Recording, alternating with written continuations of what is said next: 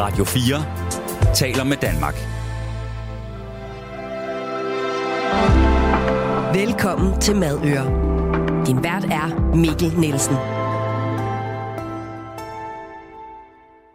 Mikkeler eller Mikkeller? Hvordan pokker er det nu, man udtaler det, og hvad er det rigtige at sige? Det er bare en af de ting, som jeg håber på at forsvare i dag. Velkommen til Madøre, hvor vi endnu en gang hopper i den store øltønde og forsøger at blive endnu klogere på øllet, øllets historie og øllets fremtid. Det gør vi sammen med en gæst, som jeg har glædet mig til at byde ind for i Madøre. I 2006 stiftede han sit bryghus, som fik navnet Mikkeler, eller Mikkeller, det finder vi ud af. Og sidenhen er det kun gået en vej. Og Mikkeler har vokset så stor og har bare restauranter i hele verden. Hjertelig velkommen til dig, Mikkel Borg Bjergsø. Tak. Jeg hedder faktisk ikke Borg længere. Nej, så er det bare Mikkel Bjergsø? Ja. Jamen hey. Det er, Det er lige så godt. alle steder, så du er ikke den eneste, der laver den fejl. Mikkel, hvad men, pokker hedder I? Fordi jeg har, jeg har haft interaktioner, har kendt mange, der har arbejdet hos jer og så videre. Ja, Mikkeler eller Mikkeller? jamen, det kommer lidt an på dagsformen. Altså, jeg, ved, Ej. jeg ved faktisk ikke, hvad jeg selv siger. Altså, jeg, jeg, jeg tror, jeg men siger mest kælder. Øhm, men, men jeg har fået det som spørgsmål en milliard gange, og jeg har valgt ikke at tage patent på udtalen af navnet. Øh, fordi det er, jo, det er jo et ord, som ikke rigtig findes ud over hos os. Øhm, og så derfor så synes jeg også, at folk skal have lov til at sige, som de vil. Men, men Mikkeller eller Mikkeller er jo de to mest... Jeg har hørt mange, mange andre versioner også, Ja. men det er de to mest brugte. Og som jeg lige sagde i introen, I har bredt jer. I er i masser af lande, 40 restauranter og bare all over. Mm. Er I stadig en mikrobryggeri? Ja, det, ja, det er vi. Altså efter, efter, der er jo ikke rigtig nogen definition på et, et bryggeri størrelse i Danmark. Mm. Det er der i USA. Og, og efter amerikanske standarder, hvis du er et craft bryggeri, så er vi i hvert fald et meget, meget, meget lille bryggeri, fordi der er det jo nogle helt andre tal, vi snakker om. Ja. Øhm, det er vi. Og jeg, altså, jeg synes mere, det handler om det handler mere om tilgangen end, end, end størrelsen Mm. i, i forhold til, hvad, hvordan du definerer dig selv. Øhm, og jeg vil sige, jeg, jeg er lige så, lige så vi, vi arbejder på samme måde, som vi gjorde i gamle dage, dengang jeg var meget lille, øhm, og har de samme standarder og de samme, samme mål, så derfor synes jeg stadig, vi er et mikrobryg. Og du jagter stadigvæk det perfekte øl? Jamen det, ja, det, det tror jeg mange af os gør. Øhm, jeg har faktisk lidt gået væk fra at sige, at jeg vil lave verdens bedste øl, for det tror jeg aldrig kommer til at ske. Det, øhm, fordi at, at det kan alle jo sige, og det er jo en subjektiv beskrivelse af, af noget, som, som vi ingen af os kan definere, hvad der er rigtigt eller forkert. Så jeg vil egentlig sige, at jeg, nu var, jagter jeg nok verdens bedste øloplevelse, og der tror jeg faktisk, vi er meget godt med. Altså at give en oplevelse omkring produktet, som er, som er mere end bare et produkt. Mm. Øhm, og der synes jeg faktisk, vi, vi sgu ret gode, øhm, og har faktisk lavet det længe. Så det, det er nok det er mere det, jeg jagter. For jeg skulle netop til at spørge dig om, om du tror, du har brygget den bedste øl, du kan. Altså både ja og nej, øhm, fordi min, altså, man kan sige, den bedste øl for mig er jo den, jeg, jeg bedst kan lide at drikke, og den, der, der har jeg, jeg har brygget en nu, som, øh, som, som er lige i øjeblikket den, som jeg synes, jeg synes selv, det er verdens bedste øl, det er der jo mange, der ikke synes, Hvad er det for er. Øhm, jamen, det er faktisk en øl, der hedder Ægte Libe, som jeg brygger på sammen med Æbeltoft Gårdbryggeri, på Æbeltoft Gårdbryggeri, og det er ikke en øl, som, at det er en, det er en pilsner. Øhm, det er ikke en øl, som vi brygger sådan til, til så mange andre end os selv. Altså, vi brygger 3.000 liter gange, så vi når ikke at drikke det hele selv, men, men vi holder den lidt hemmelig, når den kommer ud, og den kommer ikke rigtig ud i, i den brede handel, fordi at den er simpelthen for god til, at vi gider dele den med, med alle mulige andre. Indtil nu i så hvert fald. indtil nu, ja. Men den, ja, den er virkelig god. Okay, hvad er der med Æbletoft? De laver også i... Altså, jeg kan godt lide din øl, men de laver altså også en IPA Wildflower, Ja, som for mig er... Ja, altså bare himmelsk. Ja, med Æbeltoft, det, det, det er nogle af mine rigtig, rigtig gode venner, nogle, måske nogle af de bedste venner, jeg har i branchen, øhm, og jeg, jeg synes, de laver noget af det mest vanvittigt gode øl Mm. øh, i Danmark. Altså Wildflower ved jeg godt, er den, som de fleste kender herhjemme, og som snakker om, og det var faktisk også nok en af de første øh, New, New, New England, den hazy IPA'er, der blev brygget hjemme. Altså jeg synes, de er langt bedre til, til lagerøl, til pilsner. Mm. Øhm, problemet er, at folk ikke rigtig forstår lagerøl Nej. ordentligt, når det er sådan på craft-niveau. Øhm, Men, men, bror, det, men det er det, folk skal drikke fra deres bryggeri, synes jeg. Ja, men Øhm. fedt. Og vi skal snakke endnu eller meget mere om øltyper og alle de forskellige øl- øltyper. Vi har sikkert allerede nævnt ting, som nogle lytter så og tænker, ja, hvad filen er det? Ja. Men vi skal lige have starten med. Jerry Seinfeld, han, har, han lavede hans sidste show, som hedder I'm Telling You for the Last Time. Og jeg tænker, at du må have det sådan lidt på samme måde, når folk spørger, kan du ikke lige sådan fortælle, hvordan det hele det startede? og, øh, og altså, Jeg har lige udgivet en bog, eller vi, der, er, der er lige blevet udgivet en bog, Ja. så bare læs den, ikke? jo, Nej. Men- øhm, Mikkel, hvordan begyndte det hele?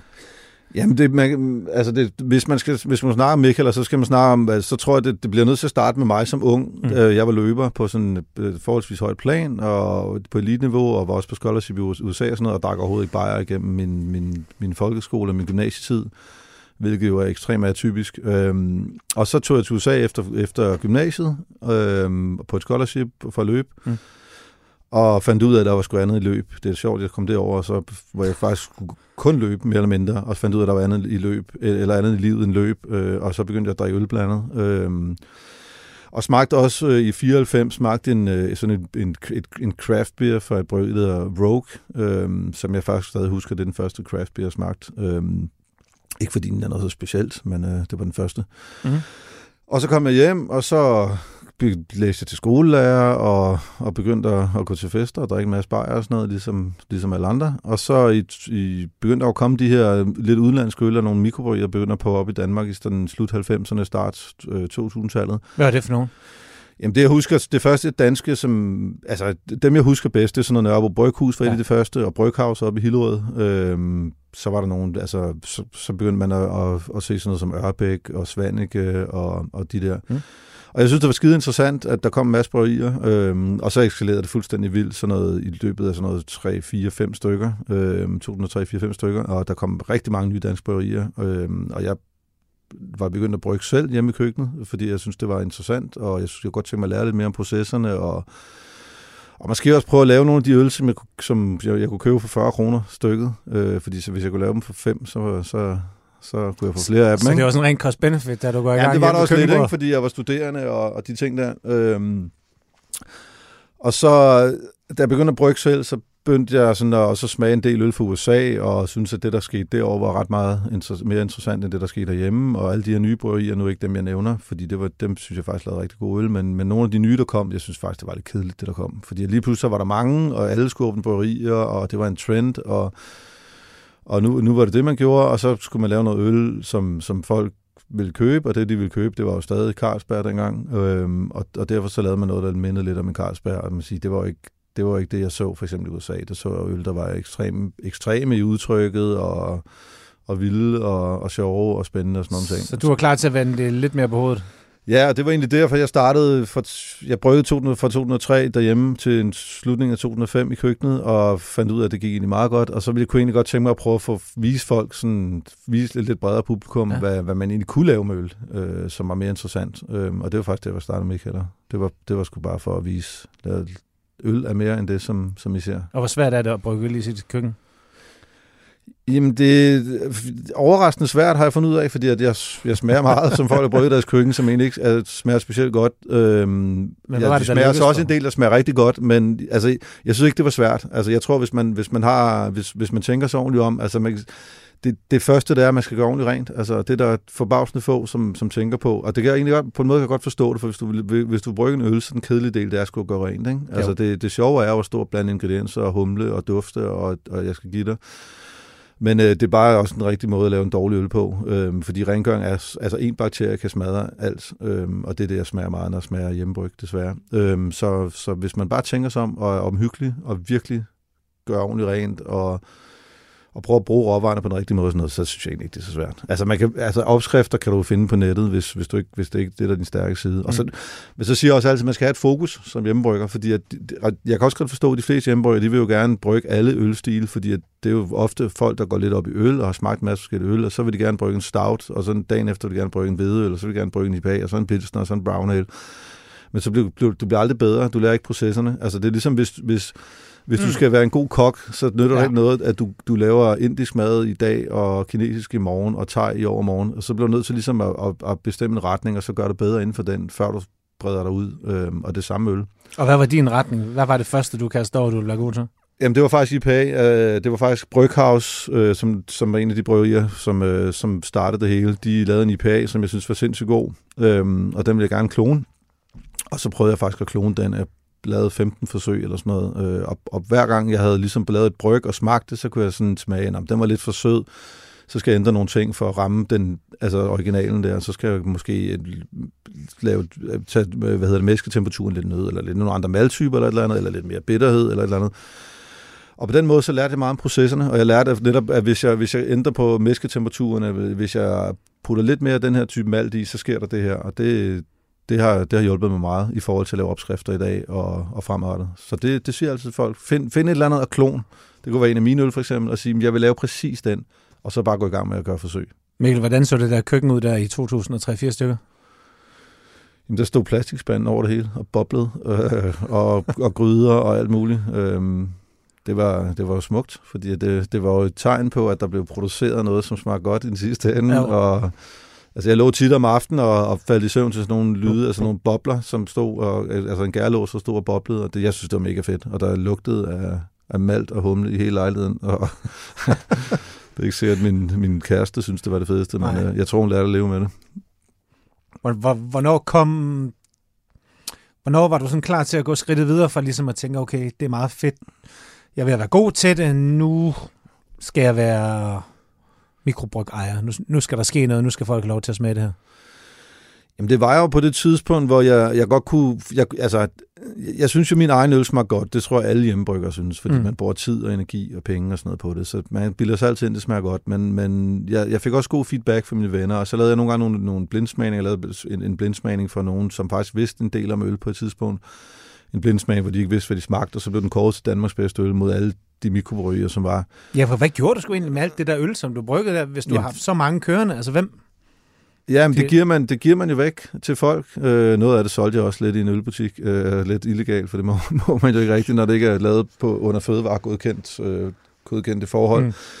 Ellers så byttede jeg til andre øl og sådan noget, øh, men gav det også væk til venner. Øh, men, men det er sådan, ligesom at man selv synes, det smager skide godt, så synes en venner, ens venner det også. De siger det i hvert fald, fordi så ved de, at der kommer mere kommer deres vej. Ikke? Så, så jeg havde, egentlig, jeg havde egentlig lyst til at få noget feedback fra folk, som jeg ikke kendte, og som, som, havde, som ikke havde noget forhold til mig, og, og, og ikke havde nogen agenda. Øhm, og derfor så var det, at jeg oprettede et, et, et, et, en virksomhed, så jeg kunne sælge det officielt, og så jeg ligesom kunne få det sendt ud, og så kunne jeg læse på sådan nogle ratingsider, hvad folk egentlig synes om det. Øhm. Men kunne du stadigvæk brygge det derhjemme og sælge det, eller hvordan? Eller skal, eller hvor, øh... Nej, det teoretisk set kunne jeg jo ikke. Nej. Øhm, men øh, Okay. Så, så fandt jeg nogle små, så... og det var også derfor, så startede jeg jo det her, som jo i dag hedder Gypsy Brewing, eller altså det hed kontraktbryg dengang, det vil ja. sige, at du ikke ejer dit eget bryghus, men brygger hos andre. Øhm, fordi da jeg startede Michael i 2006, det var ikke fordi, jeg ville være virksomhedsejer, eller leve af det, eller tjene penge på det. Det var simpelthen bare, fordi jeg ville lave noget bedre øl, end det der var.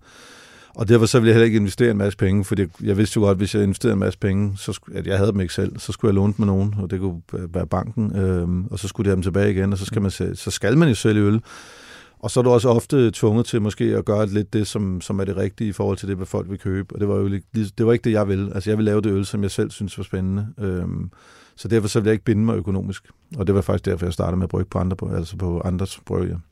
Og det gør du stadigvæk i dag, ikke også? Ja, det gør jeg stadig. Ja. Øhm, nu har, har jeg jo selv nogle bryghus, øh, men den største del af det øl, jeg laver, det laver jeg faktisk stadig på andre brygger. Mm. Og det, man kan sige, jeg, jeg har for mig har det interessante med øl ikke været at, at stå i et bryggeri og røre i en, en, en stor gryde og, og, og pusse noget stål af og sådan noget. Det har været at lave, både at lave opskrifter og udtænke nye smage og nye koncepter inden for øl, øhm, og så branding er i delen af det, fordi branding er jo ekstremt vigtig. Altså ja. den måde, du sælger det på, og den måde, du kommunikerer det på, og den måde, du præsenterer det på. Det er også det, jeg sagde i starten, det der med, at det egentlig betyder det, altså selvfølgelig betyder produktet ekstremt meget for mig, og jeg kunne aldrig finde på at lave øl, som jeg ikke selv synes smager godt, men jeg synes egentlig, det der kommer efter er vigtigere. Altså på den måde, den oplevelse folk får, når de drikker det, og den handler i, i meget, meget få procent egentlig om, om, om smagen, mm men mere om, om hvordan du oplever det, og i hvilken, øh, hvil, i hvilken setting, og med hvilken mennesker, og hvordan den ser ud, og ja. alle de ting der. Så. Ja. Det kan jeg godt følge dig i.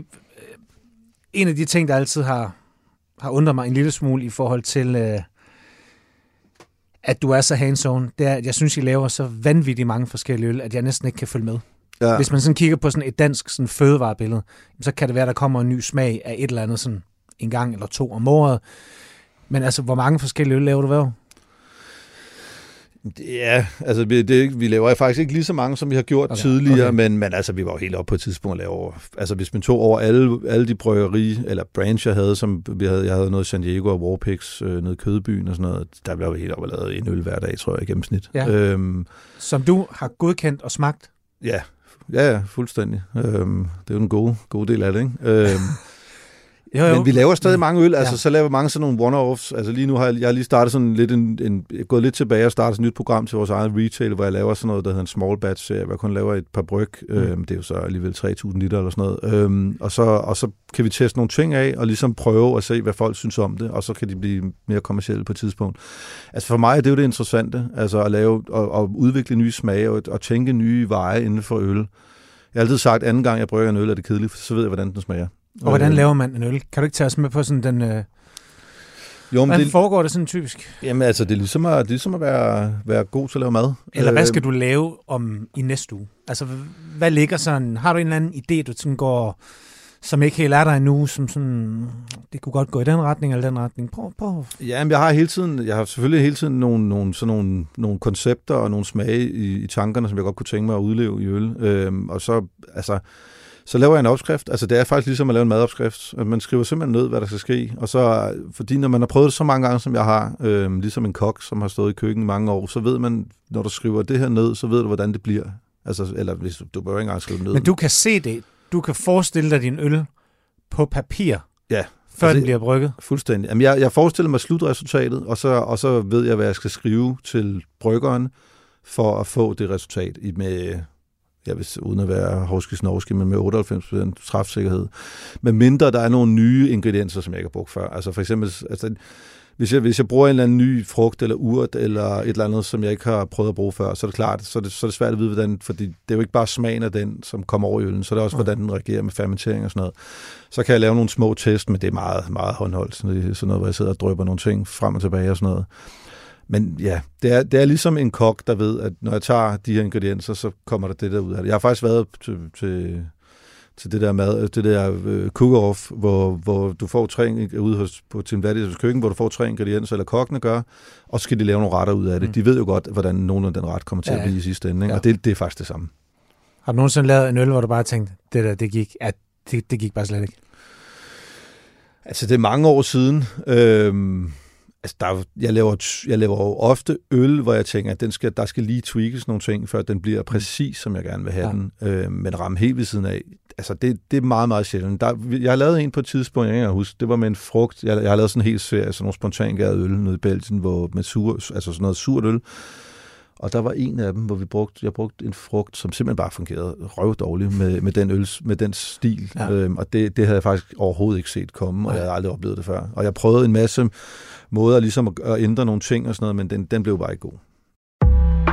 Du lytter til Madøer på Radio 4. Vi har allerede name-droppet en masse forskellige typer øl. Mm. Og det skal vi nørde en lille smule mere i. Ja. Men sådan overordnet kunne jeg bare godt tænke mig at vide, fra du startede sådan i tre af dine ølinteresser sådan begyndte at blomstre. Hvordan var dit sådan, indtryk af den ølkulturen dengang i forhold til i dag? Altså, ja, der er sket meget, men hvordan var det dengang i Danmark, og, og hvad, hvordan ser det ud i dag? Ja, man kan sige, at vi har i Danmark gennemgået nogle faser. Ikke? Altså den fa- fase 1, synes jeg, hed frem til sådan noget 97-agtigt, hvor, mm. hvor jeg ved godt, i gamle dage, der stod alle, alle, øh, alle, alle nu siger jeg kronerne, det ikke, men øh, det gjorde de faktisk på, på blandet på Fyn og bryggede hvidøl i bryggerset. Ikke? Det er jo derfor, det hedder et bryggers. Øhm, hvis man tager sådan en kommersiel ølbrygning, så, så har vi i rigtig, rigtig mange år med, med Carlsberg og de store bryggerier, Royal Unibrew og sådan noget, jo haft en, en standardiseret måde at, at, lave, Mm. at tænke øl på, hvilket er en pilsner. Øh, Jeg mener, i 97, der havde vi omkring 10 bryggerier i Danmark, og de bryggede alle sammen pilsner. På nær, der var måske lige nogle få, der lige lavede et eller andet, en, en lille smule anderledes.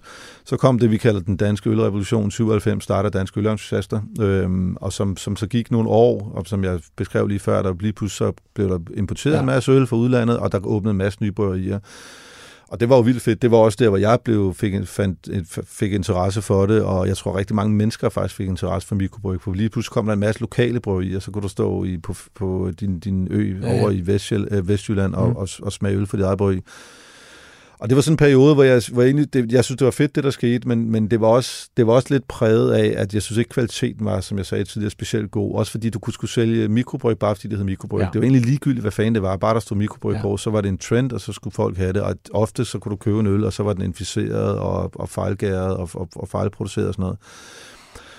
Og så synes jeg her de sidste 10 års tid, så er der sket et skifte igen. Altså, det var ligesom om, så kom de andre lande med i Europa, og specielt også i, i, i Norden. Altså Sverige og Norge kom med, og de startede efter os, men jeg synes faktisk, de overhalede os lidt i forhold til kvalitet. Og det tror jeg, fordi det var lidt mere udviklet. Okay. Øhm, altså, der var ligesom, vi var lidt kommet lidt videre. Og det synes jeg, kom, at Danmark kommer rigtig godt med nu, at, at nu at de bryggerier, som, som er etableret i hvert fald, de, de laver faktisk pisko øl, øhm, og det er ret nemt at finde god dansk øh, mikrobryg i dag. Øhm. Men man har også ligesom fået skåret mange af de der, hvor det ligesom var i alle danske byer, Præcis. er der en eller anden Ole Hans, Hans Jørgen, som ja. er ølandsædet, så starter jeg bare et bryghus og et bryglav, og så Ja. Og, og konkurrencen er blevet så stor, der er over ja. 250, jeg tror, bryggerier og brands i Danmark. Mm. Konkurrencen er blevet så stor, at du kan sgu ikke bare slippe afsted med at lave mikrobryg, og så bliver det købt. Fordi så er der så mange alternativer for folk, så det skal rent faktisk smage ordentligt. Øhm, og det er jo det, det er sådan, jeg synes, jeg ser det i dag. Så kan man sige, så har der jo også været nogle trends inden for de sidste 20 år øh, inden for øl. Altså, trenden i, for 20 år siden, det var meget det, som de der ølnørder, de der hardcore, de, de synes var spændende. Altså, det kunne være fadlavet øl eller imperial stouts og sådan nogle lidt mere vilde øl. Og det udlignede så lidt, fordi der kom lidt mere almindelige mennesker, og det blev mere tilgængeligt i supermarkedet og sådan noget. Øhm, og så har vi jo, lige nu har vi jo en trend, der hedder hazy IPA, som sådan nogle, altså IPA er også en humlet øltype, men mm. som skal være uklar, øh, og den har jo så varet ved nogle år. Jeg tror egentlig ikke, det er det som alle mands, det er ikke en allemands eje øl, Nej. men det er så meget i ølkredse, det man drikker, ikke? Ja. Øhm, og de trends, de udvikler sig også hele tiden. Men i bund og grund, så består, så består dansk øl stadigvæk af sådan Carlsberg Tuborg og det andet, ikke? Jo, jo, altså man kan sige, at konsumpilsner har jo stadig klart størst markedsandel. Jeg tror stadig, det er sådan noget næsten 90 procent. Øh, mm. altså, altså Carlsberg og Royal har, Royal Unibrew har til sammen. Det tror jeg aldrig vil ændre sig i Danmark. Men de begynder også trods alt også at kigge mod andre typer, og har gjort det sådan løbende, ikke? Jo, jo, men altså, de hopper jo med på, fordi man kan sige, en ting er jo, at, at, at de har et største del af markedet, men, men det er jo også de øl, som man, man, man kan tage mindst for, og, og plus, at, at hvis man kigger på, den, på, på, på kundegrupper, så de yngre er jo faktisk begyndt at drikke mere, mere specialøl, mm. end, end de ældre er, øhm, og de ved jo godt, Carlsberg og Royal Unibrew, på et eller andet tidspunkt, så så deres kernegruppe, de måske bliver måske for gamle til at kunne drikke øl længere, ikke? øhm, så de er jo også nødt til at, ligesom at kigge på, hvad der sker i markedet, og, og, og, og, og også, altså Carlsberg har Jacobsen, som jo der er sådan craft beer mærke, øhm, og hvad hedder det, og Royal er jo begyndt at opkøbe en del små bryggerier, som, som de så udgiver. Øhm, så jo, de er i høj grad med. Øh, og det er jo både, både godt og dårligt for os. Altså man kan sige, det er dårligt, fordi det er konkurrence, og de kan producere tingene langt billigere, og, og, og har et meget større sådan, distributionsnetværk, og kan få det nemmere ud, og mm. mere power i markedet, men på den anden side, så er de jo også gode til at få nye kunder. Altså, fordi det er jo stadig, størstedelen af danskerne drikker jo stadig bare pilsner. Men anerkender du som en samarbejdspartner i forhold til at påvirke øllets kvalitet og også diversiteten? 100 procent. Ja. ja. Altså, man kan sige, det, det er jo, jo, jo flere vi kan, jo flere som, som vi som, som øl, øh, hvad hedder det, branche kan få over til at drikke mere special øl, jo bedre er det jo for mig også. Så i høj grad. Jeg må sige til lytteren, der er ingen øl på bordet her. Desværre, det kunne da godt have været. Jamen, jeg burde have taget nogen med. Ikke? Men, Men hvis der nu havde stået en uh, grøn Tuborg... Så er der drukket med glæde. Ja. Ja. Det fejler ikke noget. Jamen, jeg, jamen, jeg er sgu ikke snobbet. Jeg, der, Nej. der er nogen øl, jeg synes smager, smager det sted ringe. Altså, jeg, jeg vil hellere drikke en grøn Tuborg, fordi du ved præcis, hvordan den smager. Der er ja. aldrig noget galt med den, end jeg vil drikke en inficeret uh, mikrobryg fra en eller anden, en eller anden, et eller andet nu skal jeg ja. ikke sige noget specifikt, vel? Men, øhm, og så er der, jeg synes også, der er nogle af de, af de store konsumøl, der smager helvedes til. Jeg synes faktisk, jeg synes, Carlsberg smager, smager godt. Altså, jeg, drikker, jeg drikker sgu, når jeg sidder på en bodega, så drikker jeg altid, jeg drikker mig normalt hof, det er ikke så meget tuborg, jeg er blevet, blevet for gammel, ikke? Men, øh, men jo, jo, jeg, jeg, jeg er ikke snobbet overhovedet. Det er egentlig, det vidste jeg ikke. Nej. Der er, mange, der er mange, det, det tror sådan som mig kun jamen, jamen, altså, vi sidder og bringer næsen præcis, af, men ja. ej, overhovedet ikke. Nej, jamen, jeg har det, jeg elsker det usnobbet. Jeg har det selv, jeg er jo ikke så meget øl, men jeg er sådan rigtig meget vin, og ja. jeg elsker det der med, at man kan drikke alt, og ikke øh, vælge alt fra. Men, øhm, men for mig det betyder noget, hvis ja. det er produceret ordentligt. Altså, Præcis, og så kan man sige, at selvfølgelig er der nogle, bruger Carlsberg, Carlsberg Royal nogle andre ingredienser, og, og der er, de, spray, altså, de gør nogle ting lidt hurtigere og sådan noget, og det kan du godt smage i øllen, hvis, ja. altså, det, hvis, hvis du smager efter.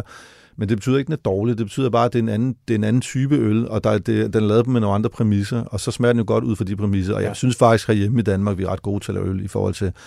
Altså, jeg, hvis jeg, hvis, jeg synes ikke, en Budweiser er specielt spændende for at være det. Øhm. synes jeg ikke. Lad os snakke lidt om de der stilarter. Vi ja. har allerede nemt op en del. Ja. Hvis man sådan skal give lytteren sådan, sådan et overordnet billede på sådan øltyper i forhold til... Øh, hvad er der så? Ja, man kan sige, hvis, nu, hvis man skal lave sådan helt ølskoleagtigt, så er der jo to, tre, to øh, hovedøltyper. Det er lagerøl, som er det, vi kalder pilsner for det meste herhjemme. Ja. Øh, det, som de store bryggerier laver. Og så er der jo ale, som er alt det andet, som er både hvedeøl og mørkeøl, stouts og ja, IPA og alle de der ting der. Det er jo sådan de to ja. hovedkategorier. Så inden for pilsner er der faktisk ret mange, eller inden for lagerøl er der ret meget forskelligt, men i Danmark der ser vi for det meste kun det, vi kalder pilsner, og så det, vi kalder lidt stærkere pilsner, som egentlig hedder en bok, som kan være sådan noget bjørnebryg, eller nej, det findes jo Men det er en pilsner-type, der er, fuldstændig, ja, ja. der er forstærket, eller hvad hedder sådan noget?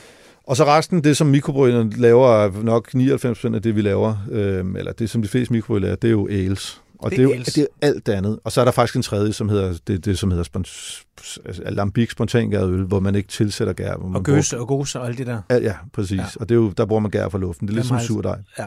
Eller naturvin, ikke? hvor man tager det, der ligesom er til stede. Lige præcis, i, ja. ja. Øhm, og så, ja, med, så man kan sige, inden for ale-kategorien, det er den, den er jo mest interessant, for det er der mest diverse. Der er jo, lige nu er IPA er jo ret, er ret øh, populært. For eksempel i USA, der tror jeg, at, at jeg mener 60 procent af, af craft beer markedet, og det er man et stort meget. Det er 30 mm. procent af hele ølmarkedet i USA er craft beer, og 60 procent af det er IPA'er. Så det, der bliver solgt så sindssygt mange IPA'er i USA i, i dag.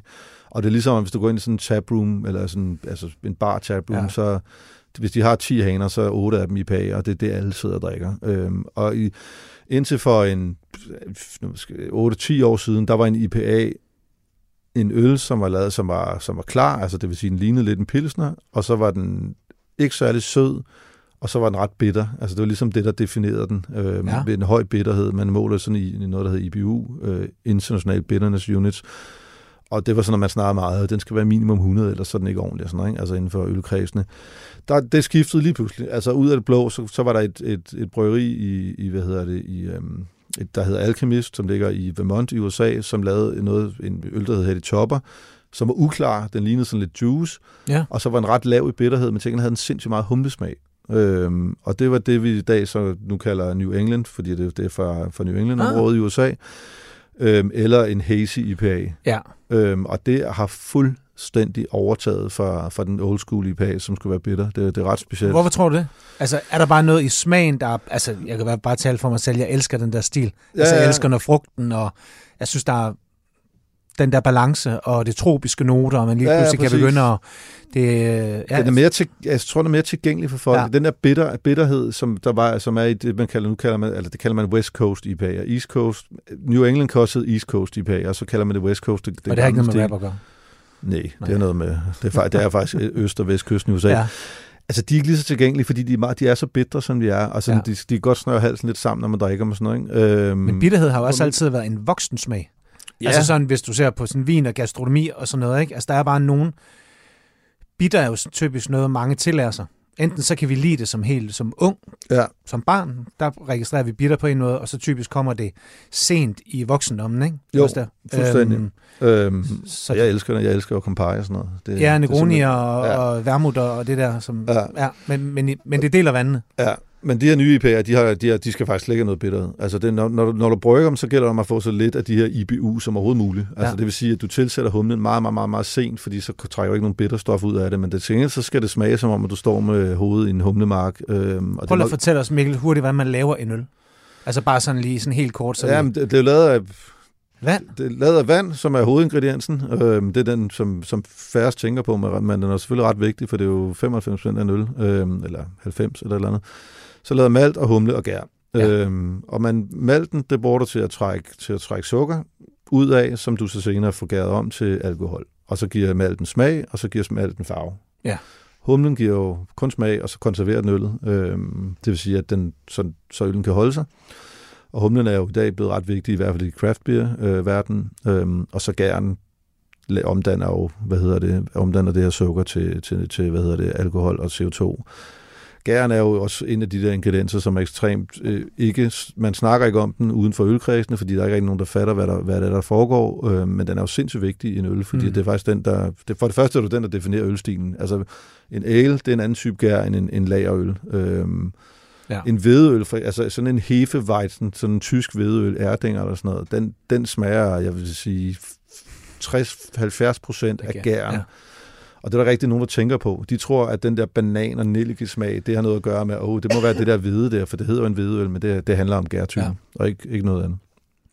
Der var engang et, øh, en dansk vinmager, som også sagde, giv mig, giv mig vingæren fra Chateau Latour, og jeg kan lave Latour. Ikke? Altså netop, der, der er noget, og, og især også i de her naturvinstider, ikke? Mm. Det specielle terroir, og den gær, der findes i de her mikroklimaer og mesoklimaer, er bare ja. sindssygt spændende. Men man snakker, man, man snakker aldrig om gær, eller meget sjældent om gær, altså uden for øl, ja. og man snakker meget, meget sjældent om vand, men, men det er faktisk de to vigtigste ingredienser, fordi at, at, øh, at at malt kører vi sgu alle sammen samme sted, og humle kører vi også alle sammen samme sted. Ja. Altså alle bryggerier i hele verden, de kører det samme. Øhm, det vil sige, der er jo ikke nogen forskel på det. Der, hvor der rent faktisk er en forskel, det er under gæringen, fordi det handler både, altså specielt hvis du laver spontan øl, men det er også, hvordan tanken er formet og sådan nogle ting der. Øhm, og så vandet, kan man sige, det er jo, altså vand er ekstremt forskelligt rundt omkring i verden, og, og nu, altså vi behandler jo vandet meget i dag, så får det til at, vi designer det, så det ligner det, vi gerne vil have. Det vil mm. sige, hvis jeg gerne vil brygge en, en pilsner, så designer noget vand, der er ekstremt blødt, fordi det har de noget i pilsen i, i hvad hedder det, Tjekkiet, ja, okay. hvor, hvor, de, øh, hvor, de, hvor pilsnerne er opfundet, ja. øh, pilsen og kvæl. Øhm, det er sådan noget men, osmose, Men det har en kæmpe stor betydning. Ja. Osmoseanlæg og sådan noget, ikke? Ja, ja, det kan være omvendt osmose. Ja, ja. Og så, og så, altså, for eksempel, øhm, ned på, vi har en, jeg har en brygpop nede i Kødbyen, der har vi fået lavet et vandanlæg, hvor vi kan fuldstændig rense, rense det for alle, for der er rigtig meget, hvad hedder det, mineraler i vandet i, ja. i, i København, og det er hårdt, og der er så kan vi rense det fuldstændig, så skal vi designe vandet, og vi designer det faktisk øh, ud fra vand fra, hvad hedder det, Lake Michigan øh, i mm. USA, fordi at det brød, vi åbnede Warpix med, det lå ved Lake Michigan, og de laver rigtig god humleøl på grund af det vand, man renser. Der er rigtig mange bryggerier, der ligger, lå historisk omkring Lake Michigan på grund af vandet. Øhm, så vi, vi laver faktisk Lake Michigan vand nede på Warpix, så vi kan lave de samme typer humleøl, som man laver derovre. Det er fedt nørdet, det der, Mikkel. Ja, men det er mega fedt. Ja. Det er også, det er også der, hvor det sjove, det vand, ikke? Altså, det er der, man kan gøre en forskel. Ja. Altså, de siger det også i forhold til bagels i New York og pizza, ikke? Fuldstændig. At det der specielle slice, som du kan få der roadside der, det, det er bare ikke, det, du kan bare ikke genskabe det. Men der findes jo også destillerier, som, altså, jeg har, jeg har hørt om et i Frankrig, som simpelthen transporterer vand ind fra Skotland, fordi ja. at de vil lave samme whisky, som man laver der og sådan noget. Altså, det er jo, det er jo ret specielt, men det er fedt. Men hvad er det så, der i sidste ende gør, at hvis jeg laver Lake Michigan vand, planker en af dine opskrifter, som du glemmer her falder ud af din rygsæk, at jeg ikke kan lave den øl, du kan. Altså, hvor er det bryggeren og ah, nu sætter vi det helt op, men sådan geniet, fordi du må jo, eller du og I må jo kunne et eller andet i forhold til andre. Ja, men altså, det er jo også en føling med finesser. Altså, jeg kan jo, jeg, vi, vi smager på øllen, og vi kan jo smage, om, om for eksempel fermentering går i den rigtige retning, og hvis den ikke gør det, ja. kan vi jo ændre på noget. Så kan vi ændre på temperaturen og sådan noget. Men jeg vil sige, det, faktisk er der ikke, altså du, du, det kan du godt, altså, og det er derfor, som man kan sige, hvor brandingen kommer ind i billedet. Ikke? Altså, mine opskrifter, selvfølgelig har jeg, holder jeg nogle af dem, men altså, for eksempel har jeg ud, vi udgav en bog for mange år siden, hvor der var ret mange opskrifter for mine øl. Ikke? Altså, så folk kan i virkeligheden godt producere mine øl, men det, altså, den, for det første bliver det aldrig helt det samme, fordi udstyret er noget andet. Øhm, mm. Men og for det andet skal man sige, selvom at nogen lavede en fuld... Altså, altså selvom... Nu tager vi den her Bryghouse IPA, som jeg klonede i gamle dage. Selvom hvis jeg havde udgivet den under Michael, så ville folk jo opleve den anderledes, fordi den lige pludselig kom fra et andet bryggeri. Og det handler meget om, hvordan folk oplever øllen, når de smager den. Øhm, altså, jeg har faktisk prøvet at lave, øh, på et tidspunkt lavede vi sådan et forsøg, øh, hvor, vi, øh, hvor vi var to bryggerier, der gik sammen, og så, og så lavede vi en øl på et bryggeri, og så flaskede vi den, og så satte vi to forskellige labels på med mit bryggeri og med det andet bryggeri. Nu skal jeg lade være med at sige, hvad det er. Og så kiggede vi på ratings. Der var ingen forskel på øllen. Det var kun bryggerinavnet og, og label, no. der var for, forskel. Ja. Og det fik vidt forskellige ratings, fordi at folk ligesom har en, en, en, en opfattelse af tingene, når de ser den. Altså, ja. Jeg har også lavet øl, som havde... Jeg lavede på et tidspunkt en øl, 1500 liter, som havde en teskefuld salt i, kun så der kunne skrive salt på etiketten. Og de første 10 ratings på sådan en side af Rate Beer, der, stod, der kunne folk smage salt. Altså, og det, det er jo det, det for, altså du kan, du kan bilde folk meget ind. Øhm, det er jo ikke det, jeg siger, vi gør, Nej, fordi vi laver selvfølgelig, vi er så gode, som vi kan. Ja, ja. Men, men det, som folk gerne vil smage og opleve, det er også meget ofte det, de gør. Altså, nu snakker vi om vin, ikke? Altså, hvis du, hvis du bruger, nu, nu siger vi 10.000 kroner på en vin, mm. jo, den vil nok være bedre end en, der koster 500 mm. eller 300 kroner. Mm. Men folk bilder sig også ind, at mm. den er bedre, fordi det skal den ligesom være. Ikke? Altså, der har jo været de her, jeg har set de dokumentarer med ham, som puttede hvad var det, det var ny vin på gamle flasker, ikke? Altså, han, og man, altså, hvor folk købte og, og, og, og synes, at det, var jo, det var jo den rigtige vin, fordi det stod der på etiketten. Ikke? Altså, sådan, og sådan er det med ting. Jeg lavede en gang, da jeg studerede, der havde sådan en masse små vinklubber. Og der var en af de nye studerende på Aalborg Universitet, som gerne ville være med. Og så lavede vi en lille prank på ham. hvor vi inviterede ham til den her aften her. Sagde, at han skulle komme klokken 6, vi andre mødtes klokken 5. Og så åbnede vi en hvidvin, sad omkring bord, og så kom han, og så sagde han, Nå, jamen det er fint, jamen, sæt du der bare ind, jeg finder lidt glas til dig. Og så tog jeg hvidvinen, og så tog jeg halv hvidvin, halv æbledike. Og så gik jeg ind, og så gav jeg ham glasset og sagde, Nå, jamen, øh, det er noget, det er noget sydlig Bourgogne, det er sindssygt frugt, og vi andre, vi sad bare og fucking helvede det her helt op til skyerne, ikke? og altså ganske rigtigt, han, han røg lige, ikke? Altså, ja. hvad synes du? Jamen, det er jo helt fantastisk, det her. Ja. Så, så, så altså den der, the power of, ja, taste kan godt slås af folks ja, og branding om, og his- præcis. historiefortælling og sådan noget. Ikke? Mm. Altså, og det, Ja. det er også derfor, jeg synes, det er sindssygt vigtigt, hvordan du sætter, i hvilken sådan environment Ja. og, og setting, du sætter din øl ind i. Mere Og end- i øvrigt, undskyld, undskyld, undskyld Martin, fordi vi udsatte dig for det her. Jeg tror, jeg har sagt undskyld før, ikke? Det var virkelig tavligt. Så øhm, ja. Du lytter til Madøer på Radio 4. Mikkel, vi er jo i mad, jo. Så jeg tænker, vi er sgu også nødt til lige at komme omkring maden. Yes. Fordi jeg er jo vinmand, det indrømmer jeg gerne. Det har altid været. Jeg kan også godt lide vin. Jeg Og, ja, og det ved jeg, det, Mm. mm. det, øl er også næsten lige så godt som vin, ikke? Altså, det er jo bedre til mad. Ja, ja vin. Ja, jeg øl. Ja, øl. jamen lige præcis. Jamen, prøv- er, det, jamen, det, det, er det det? det, der er ved vin, ikke? og nu, nu, nu, nu sidder vi over på, på hver sin side af bordet, så nu kan vi godt konkurrere lidt. Det der er ved vin, det er lavet en, en ingrediens. Ja. Altså, det, det siger sig selv, at der er rimelig mange begrænsninger i forhold til en, en, et produkt, som er lavet af uendelige ingredienser. Der er ikke noget, du ikke kan putte i øl, uden at det stadig er en øl. Ja. Det vil sige, at vi har fuldstændig frit rode om, at der er, der er blevet puttet de mest vanvittige ting i øl gennem tiden. Øhm, og så kan man så diskutere, om man synes, det smager godt eller dårligt, om det er en god eller en dårlig idé. Men det gør jo også, at du kan få nogle, nogle nuancer og nogle smage og nogle udtryk i øl, som er ekstremt diverse. Øhm, og det er ikke, fordi jeg skal tale vin nød, men, men, men, men, men det gør, at du kan faktisk gøre alt, hvad du har lyst til, og mm. du kan designe øl specifikt til mad. Ja. Øhm, jeg lavede på et tidspunkt sammen med en kok, der hedder Jacob Milke, som har Milke og Hurtigkarl, der lavede en, sådan en ølserie, vi kalder Madbeer-serie, hvor vi lavede de, de fem, øh, altså sød, sød, sur, salt, umami og bitter, mm. Mm. som egentlig var lavet til, at man kunne komplementere det med en ret, der havde det, det udtryk som den hovedsagelige ja. smag. Øhm, og det kan du gøre med øl. Det, det er lidt svært med vin. Ikke? Altså, det er svært at designe vin. Selvfølgelig kan du gøre nogle ting i forhold til noget fermentering, og du har nogle jordbundsforhold og noget, noget et terroir og sådan nogle ting.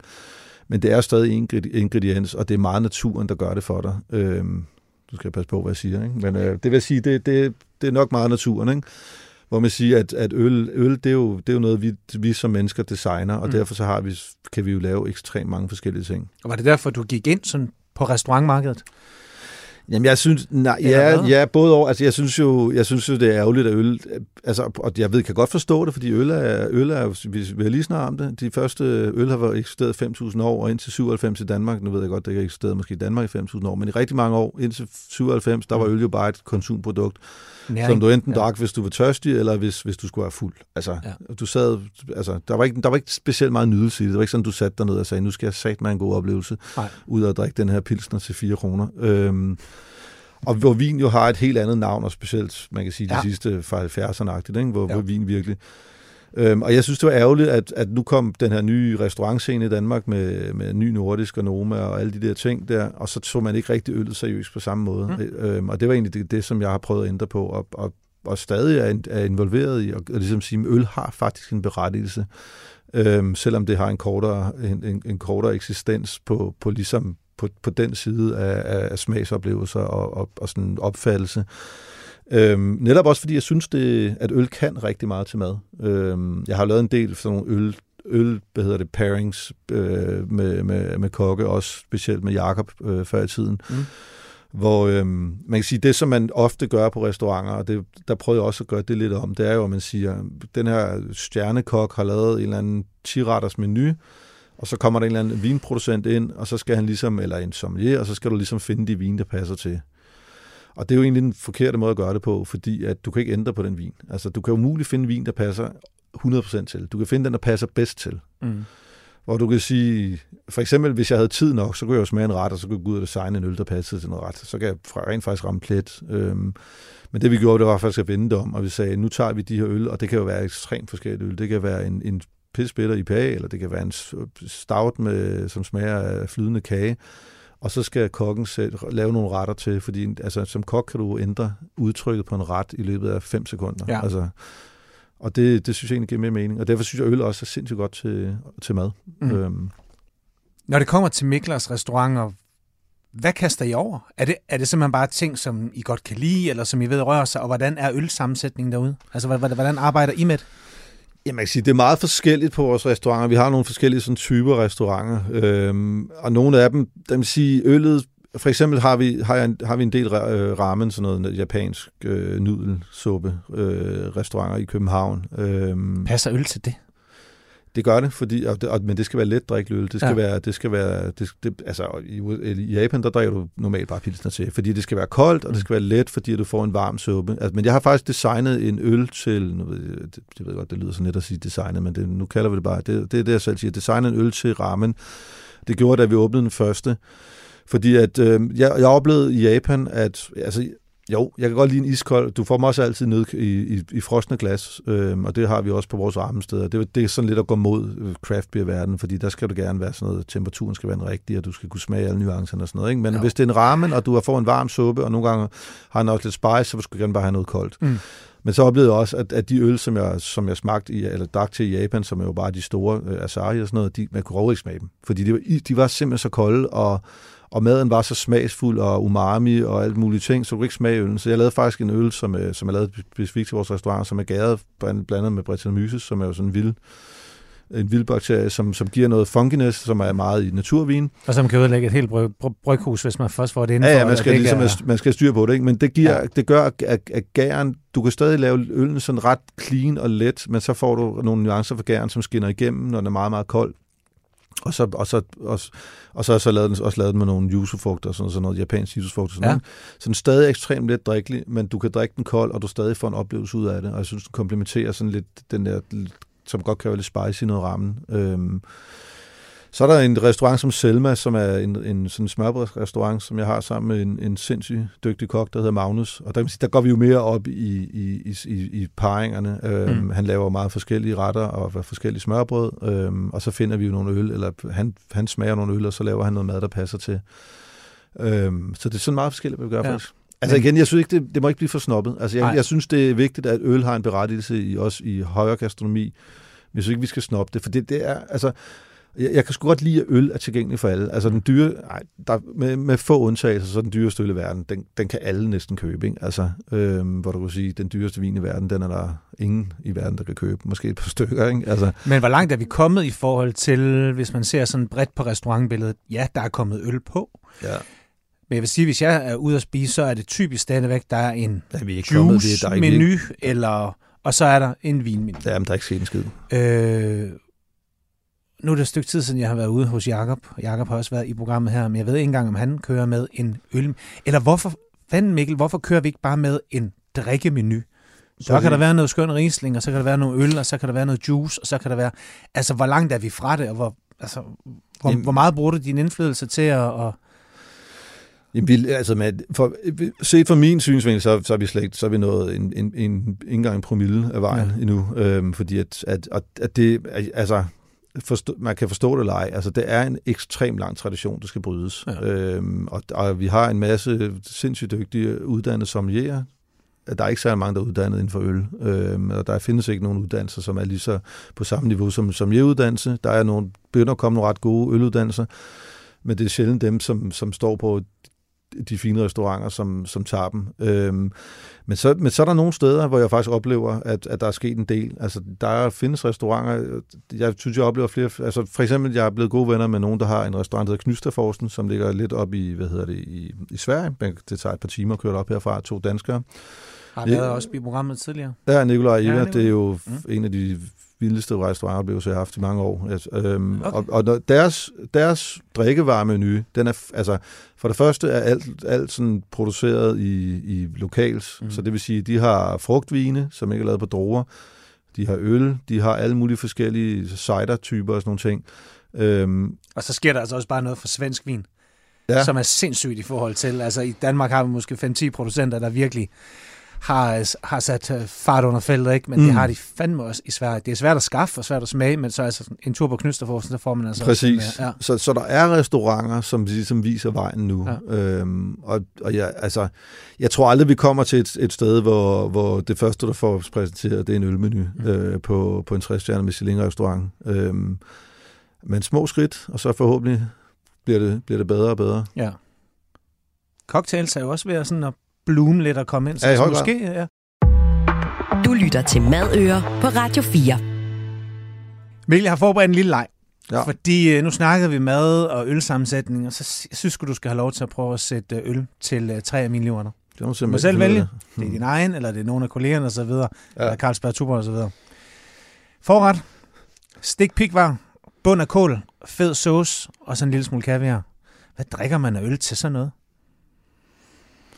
Altså, hvis normalt til fisk og sådan rimelig lys, der vil du drikke, der vil du, der vil du drikke en, en, en, en forholdsvis let øl. Mm. Altså det, som, som svarer lidt til en hvidvin. Ikke? Altså det, men det lyder som om, der må gerne være lidt, lidt hvis der er noget fed sovs, så må der gerne ja. være noget, der ligesom kan, som kan skære igennem det. Og hvad kunne det være, når man snakker øl? Altså, hvad er rensende, ligesom man vil vælge? Det er selvfølgelig også syre, ikke? Jo, jo men der, jeg sidder jo netop og tænker sådan en lambik-type, men det må ikke være en, der er for aggressiv. Øhm, men sådan en, sådan en spontangæret, lidt, lidt, lidt, lidt, øh, lidt syrlig, øhm, så må ikke være for mig. Der, der, det lyder som, at der slet ikke skal være bitterhed, mere eller mindre. Øhm, så jeg vil nok...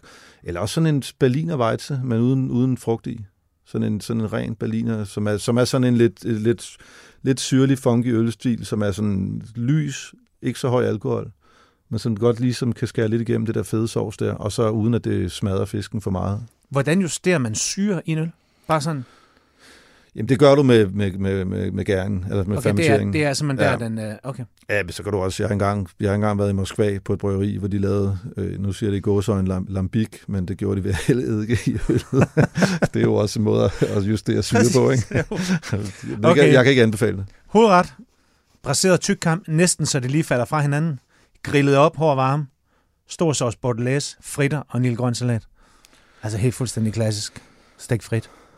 Ja, men der tror jeg, jeg vil tage sådan en, en der kunne jeg godt finde på at tage sådan lidt en bok-type, sådan lidt højere alkohol. Og hvad er det bok? Er det, de ja, det, er jo egentlig, det er jo egentlig en lagerøl, som er, som er højere. Altså i bund og grund er det en, en, en pilsner med et højere alkohol, men ja. så kan de være mørke også. Og de kan både være lyse og mørke. Jeg vil, jeg vil nok tage sådan en, en dobbeltbok, som er sådan lidt en mørk øltype, og har lidt sødme, øh, som måske komplementerer mere, end det, end det, end det, det skærer igennem. Det, er faktisk, det tror jeg faktisk, det er det, vil gøre. Lækker. Også fordi den er, igen, det skal ikke være noget, som det skal ikke være noget, som overdøver. Og det problem med øl er, at det kan ofte gå ind og overdøve, fordi det har, altså, altså igen, en vin, det har en, en, en ingrediens og sådan mm. et, et altså noget hovedudtryk, hvor en øl, hvis du for eksempel tager en stout, så kan, ja. den, smage af, så kan den smage af flydende flød, altså flødeboller eller andet, og det, det, det er jo ikke det, vi er over i. Nej. Um, at du kunne godt tage sådan en lidt let, en lidt let stout til det her også. Mm. Uh, men sådan en lidt, lidt mørkere øltype, tror jeg, vil passe meget godt til. Det kunne også være sådan en lidt gammel lagerøl. Ja, oste. Og dessert. Fransk oste. Komælsoste. Ja, det er ost og øl, du er det? Ja, ja, sådan en barley wine. En sød, lidt en sød... Hvad, hvad er det her? Barley Jamen, det er sådan en høj alkohol, en 12, 13, 14, endnu flere procent, og sådan lidt, hvis, hvis du tager de, de engelske typer, sådan mm. lidt sød i det, øh, sådan lidt dessertvinsagtige ting, mm. øh, tror jeg faktisk kunne passe meget godt til. Altså, hvis du bliver træt af at lave opskrifter og design, så altså bare på med forklædet, og så sådan en lille restaurant her, hvor du selv går rundt og... Jamen, det er også en drøm en dag. Når, når, jeg, ikke, når jeg ikke laver Mikkel mere, så skal jeg have et sted, som jeg kan bruge al min energi på. Ja. Mikkel, jeg kommer, jeg vil allerede gerne bestille bord nu. Åh, oh, dejligt. En ting, vi lige skal nå her, fordi tiden går stærkt, når man er mega godt selskab. Jeg synes, jeg engang hørte dig sige, at din vildeste drøm var at lave og dyrke de alkoholfri øl, og gøre dem fuldstændig fantastiske. Ja, det er rigtigt. Jeg synes, de er ved at være gode. Det synes jeg også selv. Hvad, hvad, er det, hvad er det svære ved at lave en alkoholfri øl? Jamen det er, at der er ikke rigtig, rigtig nogen, der, har lavet, der havde lavet det før. Nej. Øhm, og derfor så var det noget nyt. Altså jeg startede med at lave alkoholfri øl i 2013, og på det tidspunkt, der var der, altså der var kun de store bryggerier, og det var ja. kun alkoholfri øl, som smagte af vand. Det er jo en kæmpe tendens, det her med, at, Ja. at det alkoholfri begynder at fylde mere. Ja, og jeg begav mig Øhm. ud i det, fordi at netop, at jeg, jeg, altså, jeg elsker øl, og jeg, jeg kan godt lide at drikke øl, altså non-stop hele tiden, men jeg ved også godt, at det ikke er, det er, ja. ikke er smart, og det er ikke særlig, det er ikke særlig produktivt, hvis man går rundt og er småsnallet hele tiden. Så derfor så, jeg, altså, så jeg har altid tænkt, hvis jeg kunne lave en alkoholfri øl, som smagte fuldstændig som øl, Mm. øhm, men som uden alkohol, så kunne jeg drikke den om morgenen, om aftenen, øhm, når jeg trænede, når jeg cyklede, når jeg løb osv. osv. Og derfor starter jeg med det. Og der var ikke rigtig gjort det på det tidspunkt, lavet en øl, som rent faktisk smagte ordentligt af øl, uden alkohol. Øhm, jeg fik så en, en mulighed, som, som jo viste sig at være ret god, øhm, at give i gang med den. Øhm, det kræver nogle processer, det kræver en ny ingrediens, som faktisk ingen havde brugt på det tidspunkt, en ny gærtype. Man har aldrig brugt en ølverden før, og der var aldrig nogensinde nogen, der havde tænkt på at bruge en ølverden før, da jeg startede med det i 2013. Øhm, nu er den så tilgængelig, og der er rigtig mange brød i verden, der Mm. mm. bruger den gærtype, og det er simpelthen gær, som ikke producerer alkohol. Den laver simpelthen fermentering, det vil sige, du får, du får de smager og sådan noget fra gæringen, du får øh, altså alle de smagsjanger, ester og alle de ting, som kommer ud af en, en fermentering, men den kommer ikke, der kommer ikke alkohol. Meget, meget lidt alkohol. Så, den om, så sukkeren omdanner den ikke til alkohol, Nej. den omdanner den til smag. Øhm, og det, jeg, jeg hørte om den, fordi at man har brugt den i vinverden, når man havde en dårlig høst et eller andet Ja. ja. sted. Så vidste man godt, at der kom en lidt dårligere vin ud af det. Øhm, men så hvis man brugte den her gær inden den rigtige fermentering, så fik du ligesom mere smag ud af de druer. Så fik du flere, flere skæringselementer ud af de der druer der. Og da jeg hørte det, så tænkte jeg med det samme, hvorfor fanden laver bruger man den så ikke til at lave alkoholfri ting med? Ja. Og i min verden var det så øl, ikke? Og det jeg så arbejdet på nu i, ja, det er jo så 10 år snart, ikke? Øhm, og, og, og, og prøver hele tiden at, at gøre det bedre. Altså, nu er jeg så også begyndt at bruge andre, altså andre gærtyper og andre bakterietyper, sådan noget, som, kan, som netop kan lave for noget fermentering og give noget smag, men som ikke giver alkohol. Øhm, og man kan sige, nu er der så også andre, der, eller der, der er andre måder at lave alkoholfri øl på. De store bryggerier, de laver normalt, eller de, de vil typisk lave en øl med alkohol, og så vil de tage alkoholen ud bagefter. Øhm, det, er en, det, er en, det er en ret dyr proces, Ja. ja. hvis man ikke har, har de rigtige udstyr til det. Og jeg synes heller ikke, den er lige så god. Altså, du får ikke det samme udtryk. Når du fjerner noget fra, fra et produkt, så vil du altid fjerne nogle af de gode ting også. Øhm, det, det er jo ligesom, når du for eksempel filtrerer en øl, så er der også nogle ting, der går bort. Så hvorfor gør de det på den måde, tror du? Fordi det er nemmere at styre. Og du, Okay. får, du får et nemmere res- samme resultat ud af det hver gang. Øhm, det er altid det der med gæring, og når du specielt med gær, som opfører sig anderledes, så kan du aldrig helt... Det, det er lidt svært at få, få, det, få det samme ud af det hver gang. Øhm, men øh, ja, det er rigtigt. Altså, alkoholfri øl er jo, er jo blevet en kæmpe trend i dag, og det er, jo, det er jo ikke fy længere at drikke alkoholfri øl. Det var det jo i 2013. Mm. Der, var det jo, der var du enten gravid, eller var på antibus, eller du, det er ikke engang, hvis du skulle køre. Det var altid et alternativ. Det var, altid, det var altid sådan lidt, ja. og, folk var sådan lidt, hvad fanden sidder der drikker alkoholfri øl, du må være alkoholiker eller et eller andet. Ja. Ikke? Altså, øhm, og det er det jo slet ikke i dag. Altså nu er det jo, det, det er jo også på vores bar, det er det mest normale i hele verden, at folk kommer ind, og så er der et selskab, og så er der en eller to, der bestiller en alkoholfri øl, fordi de ikke lige har lyst til at drikke alkohol i dag. Det synes jeg er så fedt. Altså det er jo mega fedt. Så hvor langt er vi nået på smagen, eller vil hellere spørge dig selv, hvor langt er, er du nået med at lave den perfekte alkoholfri øl? Er noget halvvejs eller sådan noget. Jeg synes, jeg er noget rigtig langt. Jeg ja. synes faktisk, at vi laver nogle af de, de bedste, som, som findes, og, og jeg drikker dem også. Jeg drikker dem simpelthen hver dag. Altså, jeg træner hver dag, og jeg drikker altid øl til. Altså, når jeg, når jeg træner om, om morgenen klokken, klokken halv otte, så sidder jeg og drikker en øl til. Og det kan godt være, at folk synes, det er mærkeligt, men jeg synes, det er der smager bedst. Altså, og der er ikke nogen alkohol i, så... Øhm, men der er heldigvis lang vej igen. Altså, det vil sgu da være forfærdeligt. Den, den, det har altid sagt, den dag vi laver den perfekte øl, så kan vi lige så godt stoppe, ikke? Jo. Så, så der er heldigvis... Jeg tror, der er lang vej igen. Vi kan lave meget bedre alkoholfri øl. Bryggeriforeningen har, var ude og melde ud, der er noget med det her 0,5 og 0,0, ikke? Jo. Fordi 0,5 går stadigvæk i sådan en betegnelse som alkoholfri øl, ikke? Jo, i hvert fald i EU, altså inden for Ja. nogle, nogle områder, nogle lande. Okay. Øhm, og vi, vores er ikke 0,0, fordi så skal du fjerne alkoholen. Du kan ikke, du kan ikke und... Altså jo, så kan du lade være med at gære den, men så får du bare, så får du bare en, eller anden, en suppe, der smager noget, noget sød malt, ikke? Øhm, så vi kan, altså, Så den har lidt den, vores har øh, mellem 0,2 og 0,3, men, men, men der er alkohol i rigtig, rigtig mange ting, som folk ikke tænker på. Hvis du kører en frisk appelsinjuice for eksempel, så sandsynligheden for, at der er sket en, en lille fermentering der, for der er noget sukker til stede, der kan også sagtens være en lille smule alkohol. Øhm, og, altså, så så derfor, det er også derfor, man har sat grænsen, fordi du kan ikke rigtig, og, og det er så lavt, at det ikke har nogen betydning. Det har selvfølgelig en betydning for i, i, i nogle lande og på grund af nogle, nogle religioner og sådan noget, og derfor så kunne jeg også godt, jeg vil virkelig gerne kunne lave en 0,0, fordi at jeg synes, at, at øl skal være for alle. Mm. Også, også folk, der er af religiøs grund ikke øh, drikker øl. Øhm, så det vil jeg selvfølgelig prøve, også fremadrettet, men, øh, men, men den teknik har jeg ikke nu, desværre. Men det er på vej. Forhåbentlig. Jeg arbejder i hvert fald på det. Mikkel, tiden går som sagt. Øhm, til sidst, hvis vi kigger sådan hurtigt frem mod de næste sådan 5-10 år, og Mikkel, er I her så stadig? Og hvad, hvad, er, hvad, er, hvad er målet? Hvad skal du lykkes med? Jamen altså, jeg vil, jo- jeg, har, jeg vil gerne have, hvor der er små 8 milliarder mennesker i verden, ikke? Øh, og det er ikke dem alle sammen, der drikker ordentlig øl endnu. Og det er jo sådan mit mål. Det er, at alle på et eller andet tidspunkt drikker øl og tager stilling til det øl, de drikker, og Mm. har en oplevelse med det øl, de drikker, og gør det sammen med deres venner og på en social måde. Øhm, og det er det, jeg arbejder på. Jeg tror ikke, jeg når det med alle 8 milliarder i, i min levetid, men jeg håber da, at jeg når så mange som muligt, så det er det, jeg arbejder på. Altså, der er jo nogle mikro, eller der er jo nogle af- i min branche, som, som, som tænker, nej, hvis du bliver stor, så er, det også, så er det også forkert, og så gør du noget forkert. Men jeg har det sådan, hvorfor skal alle ikke have mulighed for at få en god oplevelse med, Mm. med det, vi går rundt og laver? Øhm, så jeg, jeg har fuldstændig modsat. Jeg vil sgu gerne i bund og grund være så stor som muligt, og det er ikke fordi, jeg gerne vil have så mange ansatte og tjene så mange penge som muligt. Det er fordi, jeg synes, folk, for- altså, jeg synes, folk fortjener at, at få de oplevelser her. Så det, det er det, jeg arbejder på. Så det håber jeg. 8 Kampen. milliarder mennesker inden for de næste 10 år. Kampen for det gode øl med eller uden procenter. ja, Mikkel, tusind tak, fordi du gæstede Madøer i dag. Det var en kæmpe fornøjelse. selv tak. Tusind tak til alle jer, der lyttede med. Madøer, det er hver fredag 14.05 på Radio 4. Vi lyttes ved. Hej. Radio 4 taler med Danmark.